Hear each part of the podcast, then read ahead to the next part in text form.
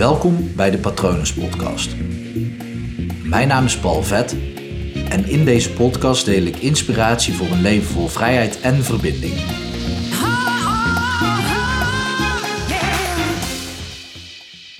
Een reactie op een traumatische gebeurtenis doe je altijd onbewust. Het is een overlevingsreflex. Het is niet zo dat wanneer er een traumatische gebeurtenis plaatsvindt, dat jij even bewust kan gaan zitten nadenken: hmm, wat zal ik eens doen? Zal ik deze keer voor vechten kiezen, of voor vluchten, of voor verlammen, of voor vrede bewaren, of meegaand zijn? Die bewuste keuze maak je niet. Misschien dat je achteraf wel denkt dat jij bewust die keuze hebt gemaakt. Dat komt omdat jouw brein zo is bedraad. Jouw brein die maakt altijd achteraf een logisch verhaal van een keuze die je maakt. Sterker nog, je brein die fopt je er ook wel eens, om het over iets anders te hebben. Op het moment dat jij vermoeid door de supermarkt loopt, dan word je blootgesteld aan zoveel ongezonde dingen. En als je vermoeid bent en je hebt honger en je maakt dan een keuze die je eigenlijk die ochtend had afgesproken niet te, te maken, maar die avond kies je toch wel voor een ongezond iets. Ik zal niks opnoemen om je niet in de verleiding te, te brengen. Dan gaat jouw brein daarna dat goed praten voor je. Dat gaat um, zeggen, ja, maar je hebt het ook wel verdiend, want je hebt zo hard gewerkt vandaag. Ja, je hebt het wel verdiend, want je hebt zoveel honger. Dus dat betekent dat je lijf uh, vraagt om koolhydraten. En ja, dat het nou wat minder gezonde koolhydraten zijn. Ach, het zijn ook koolhydraten. Oh, en uh, ja, vanavond moet je toch nog even wat, uh, wat presteren. Dus ja, dan is het beter om even goed te eten. Ik noem maar iets, hè. Geen idee hoe uh, of welke gedachten er bij jou op zouden komen. Maar je brein is zo bedraad om dat voor elkaar te krijgen. Dus ook in het geval van een traumatische gebeurtenis, dan kies je onbewust een actie uit. Die voer je op bewust niveau natuurlijk uit. Daar ben je je bewust van dat je dat doet. Maar je brein gaat ook bedenken dat jij die keuze bewust hebt gemaakt. Dat is niet het geval. Waarom ik dit met je deel is omdat er tot mij is gekomen. Ik weet dat ik heb vaker met uh, cliënten gewerkt met traumatische gebeurtenissen. De een anders dan de ander. Belangrijk om dat te vermelden op deze manier. Elke traumatische ervaring is een traumatische ervaring en is dus heftig. Anders zou het geen traumatische ervaring zijn. Overigens ga ik wat vaker over trauma's praten. En ik zal in een andere aflevering nog wel uitleggen dat sommige hele kleine dingen ook traumatische ervaringen zijn. Maar ook bij die kleine trauma's is jouw reactie, jouw overlevingsreflex, het is een reflex, als jij naar een hete pan grijpt uh, en je raakt hem aan en, en het doet zeer, dan trek jij je hand weg. En dat is dus een reflex, dus dat, dat doe je niet bewust. Maar ook bij kleine traumatische ervaringen doe je dat dus op onbewust niveau. En waarom dit zo belangrijk is om te zeggen voor jou, als je een traumatische ervaring hebt beleefd, of voor mensen in jouw omgeving die je kent, of misschien ben je wel een professional, dan is dat ook handig. Je, het is niet jouw schuld, jouw reactie erop. Jouw reactie op de ervaring, op de gebeurtenis, is bepaald voor je. Dat doe je niet bewust. Ik wil hem heel licht nuanceren.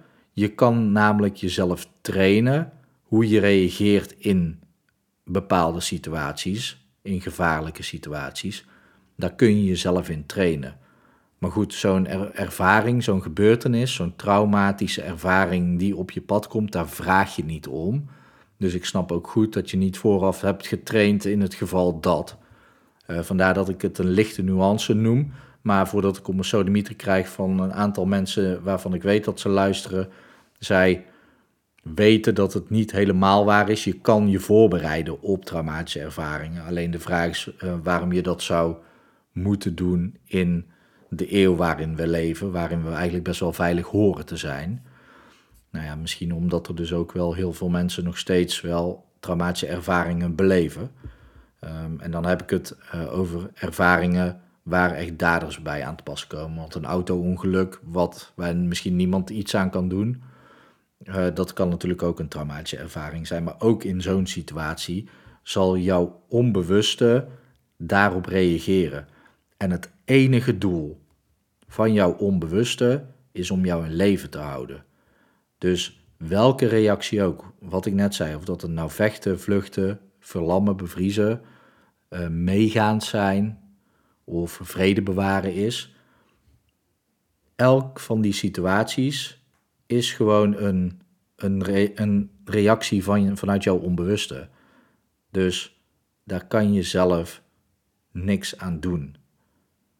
Je kan op dat moment niet sturen. Ook belangrijk om te beseffen is dat, ook al is het een reeks van traumatische ervaringen, wat je misschien wel kan voorstellen in bepaalde situaties, als het een reeks van traumatische ervaringen is, dan zou je kunnen denken, maar daartussenin zou je nog eventueel wel met je bewuste brein kunnen bedenken hoe dat je een volgende keer zou gaan reageren. Echter, kan je vooraf bedenken, dat kan ik nu ook bedenken, dat kan jij ook bedenken, hoe je eventueel in een volgende, ik hoop niet dat het gebeurt natuurlijk, maar in een volgende traumatische ervaring zou reageren. Echter neemt je onbewuste brein het dan over. Dus je kan bewust wel iets bedenken, maar op onbewust niveau ga je dan reageren. Dus dat weet je gewoon niet vooraf. En achteraf kun je dus heel lief tegen jezelf blijven. Je kan denken, had ik maar, maar dat heeft dus geen zin. En dat, dit is echt de reden van deze aflevering. Op het moment als jij dus jezelf schuld aanpraat van ja, had ik maar anders gereageerd, die mogelijkheid had je niet. Want jouw onbewuste brein is, en daar moet je ook gewoon echt vanuit gaan, een geniaal onbewuste. Het is een heel krachtig en geniaal onbewuste. Als je weet wat die allemaal voor je regelt op een dag, dan mag je hem uh, gerust en met recht ook geniaal noemen. Op dat moment gaf jouw onbewuste als advies, als bindend advies, dit moet je nu doen. Bijvoorbeeld bevriezen of meegaand zijn. Dat daar ruimte in zit voor fouten, dat is logisch. Want op het moment als je in een split second moet reageren, dan is de kans op fouten ook groter. Dus achteraf kan je dan misschien wel zeggen, ja, misschien als ik dit had gedaan, dan was het anders gelopen. Sowieso weet je dat niet. Belangrijk om je ook te beseffen, ik heb dit in een andere aflevering ehm, langer benoemd, maar herinneringen zijn waar, niet waar of een mengeling ervan. De brandweerlieden tijdens 9-11 wisten een week na 9-11 nog maar 60% van de feiten te benoemen en weer een week later was dat nog maar 40%. En dat was voor hen net zo goed een traumatische ervaring. Dus ook voor jou geldt dat. Dat de herinnering eraan is waar, niet waar en waarschijnlijk een mengeling ervan. Um, waarmee ik de gebeurtenis echt alle recht aan doe. Hè. Eh, ik, ik heb daar alle respect voor, voor de gebeurtenis die jou zoveel last bezorgt. In de zin van, ik neem jou heel erg serieus. Uh, tijdens mijn sessies ga ik daar ook op die manier mee om. Ik neem de cliënt altijd zeer serieus. Het probleem wat minder, maar dat heeft ermee te maken dat als ik het probleem ook heel erg ga opblazen en heel serieus ga nemen, dan wordt het alleen maar een groter probleem om er vanaf te komen. En bovendien zit ik dan ook met het probleem. Dus dat moet je even van me aannemen dat ik jou zeer serieus neem. Maar herinneringen zijn waar, niet waar of een mengeling ervan. En als jij er daar dus aan terugdenkt, dan kan je misschien wel bedenken van ja, had ik maar op die manier gereageerd. Sowieso kan je een ja, wat als scenario nooit invullen. Je kan nooit weten wat er daadwerkelijk was gebeurd. Dat het achteraf gezien misschien een logischere keuze was geweest om te vechten. Ja, dat zou kunnen. De vraag is of dat je dan nog steeds had geleefd en naar mijn stem had kunnen luisteren. Dat moet je altijd afvragen. Jouw geniale onbewuste heeft jou in leven gehouden en dat was op dat moment zijn of haar enige taak om dat te doen. En daar mag je haar of hem dus ook gewoon heel erg dankbaar voor zijn. En heel lief en zacht naar jezelf kijken en ook lief en zacht voor jezelf zijn, want op dat moment had jij geen keuze. Dat is belangrijk om je te beseffen. Dus wees lief voor jezelf. Je hebt, je hebt geen schuld aan de reactie erop. Dat deed je onbewuste. Natuurlijk kun je jezelf trainen om andere, op andere ervaringen weer anders te gaan reageren. Maar dat, dat heeft niks van doen met de situatie die al heeft plaatsgevonden. Daar kan je alleen maar op deze manier naar kijken. Belangrijk om dit mee te geven aan je als je zelf een traumatische ervaring hebt beleefd. Ken je iemand die een traumatische ervaring heeft beleefd? En geloof me, er zijn er heel veel mensen. Dan is dit altijd belangrijk om je te blijven beseffen. Ook in de steun richting anderen. En ook als je jezelf gesteund wil voelen. Mocht je er vanaf willen, mocht je van je traumatische gebeurtenis, uh, van de ervaring van de blokkade die het je op heeft geleverd, of ja, waar je nu tegenaan loopt in het leven door die gebeurtenis, ja, stuur me dan een bericht. Je kan me mailen op paul.palvet.com. Um, ik heb te veel meer e-mailadressen. paul.hypnopal.nl bedoel ik natuurlijk. Um, voor vragen over de podcast, patroon.palvet.com. Uh, je kan me ook vinden op Instagram. Daar ben ik het meest actief op hypnopal.nl ook. Dus inclusief de .nl. Er is namelijk al in Frankrijk een andere hypnopal. Dus ik dacht, ik zet er .nl achter. Maar vind me alsjeblieft, want dit is uh, het ding waar ik mensen het liefste mee help.